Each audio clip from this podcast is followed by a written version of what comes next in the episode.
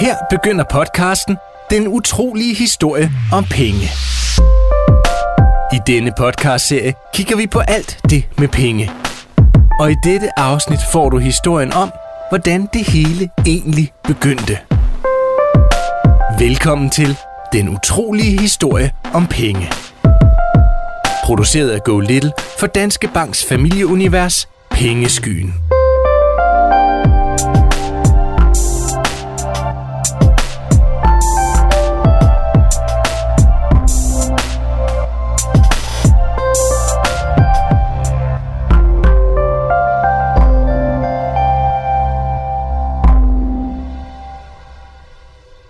Har du nogensinde tænkt over, hvorfor der findes penge?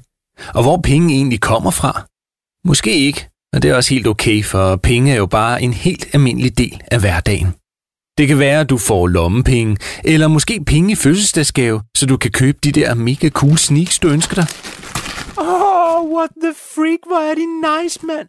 Ligesom dine forældre jo også betaler med penge, når de køber kedelige voksenting som opvaskemiddel og vatpinde. Men selvom det måske føles sådan, så har penge ikke altid eksisteret. I hvert fald ikke i den form, vi kender i dag. En gang skulle man selv lave eller fange det, man skulle betale med. Hvis man for eksempel ville købe et par nye sneaks. Ret besværligt. Men det vender jeg tilbage til om lidt. Penge er ikke bare penge. Der findes mere end 160 forskellige slags penge i verden, og penge kaldes også valuta. De forskellige slags valuta har navne som dollars, pund, euro, kroner og yen, alt afhængig af hvilket land de kommer fra. Og i Danmark bruger vi kroner. Men hvornår begyndte man egentlig at bruge penge? For de har altså ikke været her hele tiden. Penge er faktisk en ret ny opfindelse, hvis man kigger på hele menneskets historie. Nogle af de første mennesker, man kender til, boede i Afrika for flere hundrede tusind år siden. Det er overdrevet lang tid siden, så vi ved egentlig ikke så meget om, hvad de rendte rundt og lavede dengang. Men de havde slet ingen penge. Nej, der skulle gå mange år endnu. Forestil dig, at du for eksempel gik og frøs om fødderne og længtes efter et par topfede antilopeskin-sneaks. Men pengene var ikke opfundet. Så kunne du for eksempel gå hen til stammens jæger og sige, Hey, øhm, hvad skal du have for den der antilope, du fangede i går? Og så kunne det være, at stammens jæger sagde, Jeg kunne godt tænke mig to af dine bedste høns, men øh, hvis du er lidt på spanden, trænger min hytte også til et nyt tag. Og så måtte du måske knokle rundt med blade og træ de næste fire uger, bare fordi du så gerne ville have fat i den antilope, så du kunne sy dig et par sko. Når du så endelig stod der med din antilope, ja, så kunne det jo godt være, at du hurtigt fandt ud af, at det der med at sy sneaks af en antilope faktisk er rimelig svært. Og så måtte du jo have fat i en, der kunne finde ud af det. Og må ikke du også måtte slippe mindst et halvtag eller bagenden af et hængebusvin i bytte for den slags skrædderevner. Men sådan var det altså. I lang tid. Hvis du ville have noget andet end det, du selv kunne lave, fange eller gro i din baghave, måtte du for eksempel bytte. For penge eksisterede ikke. Så var du vild med musik, skulle du måske af med et bjørneskin for en bongotrumme. Og hvis nu den, du ville bytte med, så ikke ville have nogen af de ting, du lige havde på lager, ja, så måtte du jo finde nogle andre at bytte med. Det var ret besværligt. Prøv for eksempel lige at overveje, at du gerne vil have sådan en gamercomputer, og damen i forretningen så siger, at den koster en læderjakke, 3 liter mælk og motoren fra en gammel knallert. Altså, det ville måske egentlig være billigt nok, men hvor skaffer man lige de ting, når man egentlig bare står og trænger til at game lidt? Derfor er det jo ret smart med penge. Især hvis man har nogen af dem. Men prøv lige at tænke på, hvor svære de har været at indføre. Hey, øhm, jeg vil gerne købe den der ko der. Hmm, hvad har du? Øhm, altså, jeg vil give tre små runde metalbrikker med seje aftryk på. Ja, hvad? Ja, altså, de er ret fede, og så er der jo billeder på også, så øh, det... Øh... Kan du så stikke af med dig, dreng? Det var altså ret svært sådan lige at blive enige om, hvad penge i form af små mønter af metal egentlig var værd.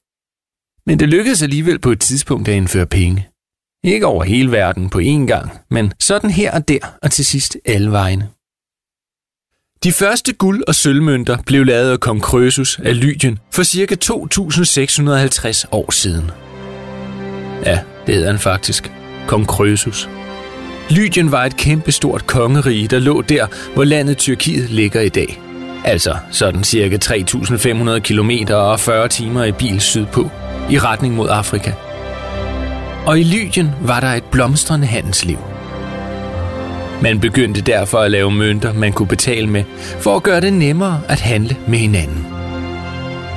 Mønterne var af guld eller sølv, og hvor meget de var værd afhang af, hvor meget guld eller sølv de var lavet af. Det var ret smart. Og særligt for kongen, for han havde sygt meget guld. Udtrykket rig som Krøsus bliver stadig brugt i dag om en, der har vildt mange penge. De første pengesedler begyndte at se dagens lys i Kina for sådan cirka 1300 år siden. Og de hed flyvende penge. Og det lyder jo ret fedt, men var ret old school. For flyvende penge kunne ikke bruges af almindelige mennesker som dig og mig. De var kun forbeholdt meget få købmænd, og var egentlig mere en seddel, der fungerede som et slags gavekort. Så hvis en købmand nu betalte en håndfuld mønter et sted, så blev der skrevet på sedlen, at købmanden kunne få den samme håndfuld mønter udleveret et andet sted. Altså en slags flyvende penge. Men senere, også i Kina, begyndte man at bruge pengesedler imellem almindelige mennesker. Problemet var bare, at man lidt for hurtigt fik lavet lidt for mange pengesedler, og så var det pludselig ikke noget værd mere. For jo mere der er af noget, jo mindre er det værd. Det svarer til, at alle i klassen har 10 af det samme samlekort. Så er der ikke nogen, der gider at bytte. Men hvis du har 10 af det samme kort, og de andre ikke lige har det kort, ja, så er du max ovenpå, og alle vil bytte med dig. Fuldkommen ligesom med guld, der er meget værd, fordi der er så lidt af det i verden. I dag er mønter og sedler altså for os alle sammen. Men trods det findes langt de fleste af de penge, vi bruger i Danmark, slet ikke som mønter og sedler, men i stedet på plastikkort og digitalt på computere. Og det skal jeg nok fortælle mere om i et senere afsnit af podcastserien. De første danske mønter blev lavet for lidt over 1000 år siden. Vi er rejst tilbage i tiden for at besøge kongen Svend Tviskæg. Svend var søn af Harald Blåtand. Du ved ham, der rejste Jellingstenen med alle runerne på. Og Svend var den første konge, der fik lavet mønter med kongens og landets navn på. Vi har fundet ham i England, hvor han netop er blevet færdig med at plyndre en landsby. Hej Svend. Først og fremmest tak, fordi at, øh, du havde tid til at tale med os her i dag. Ja, hej hej. Jeg tænkte på, om øh, du kunne fortælle os lidt om øh, de mønter, du er begyndt at lave. Mønter? Nå ja, øh, hvad med dem?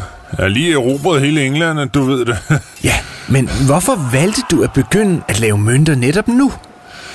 ja, hvorfor nu? Hvorfor nu? Ja, nu har vi igennem så lang tid stjålet så mange af de der mønter her over England, ikke? Tænkte jeg, ja, sådan nogle, sådan nogle vil jeg dele med også lave. Ja, altså mønter? Ja, min egen mønt, ikke? Med mit eget navn på, ikke? Jeg tænkte, ja, det kunne være ret fedt. Ah, så du tog sådan set bare de engelske mønter og lavede dem om til danske? Ja, jo, altså, de skulle lige smeltes om, ikke? Okay, så I har smeltet de engelske mønter om, og så sat dit navn på. Ja, det, det er korrekt. Har du også planer om at få lavet svenske mønter med dit billede på, når du nu også øh, bestemmer over en del af Sverige? Ja, hvad? Bestemmer over Sverige? Bestemmer da ikke over Sverige. Selvom det da lyder ret fedt. Oh, nej. Det, er jo først, når din søn bliver konge. Min søn? Når, når han bliver konge? Øh, altså Harald? Ja, altså øh, først når du er død. Ja, Så bliver ja. Harald konge, men det er han altså Ja. ikke så lang tid. Derefter bliver din søn Knud konge. Hvad bare? Og Knud, han bliver altså både konge over Danmark, England og Norge, og bestemmer på et tidspunkt også over en del af Sverige. Men bare rolig, det er først, når du er død, og du dør først om nogle måneder. Død om et par måneder? Jamen, Tak, fordi vi Hallo? måtte forstyrre dig her på slagmarken i England, Svend Tviskæg. Og held og lykke fremover. måneder? Ah, helt ærligt, mand. Ja, man holdt ikke længe som konge dengang.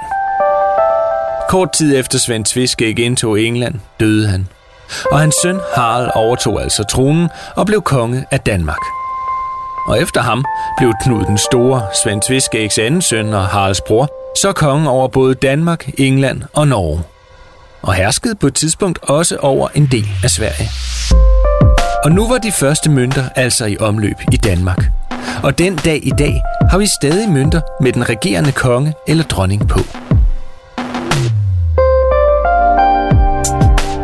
Og det var slutningen på første afsnit i podcastserien Den utrolige historie om penge. I næste afsnit skal det handle om skat. Altså ikke den slags skat, som din mor og far sikkert kalder dig, men den slags skat, de voksne betaler, og som gør, at det blandt andet er helt gratis at gå i skole. Men det er først i næste afsnit. Podcasten Den utrolige historie om penge er produceret af Go Little og Thomas Banke Brannicke for Danske Banks familieunivers Pengeskyen.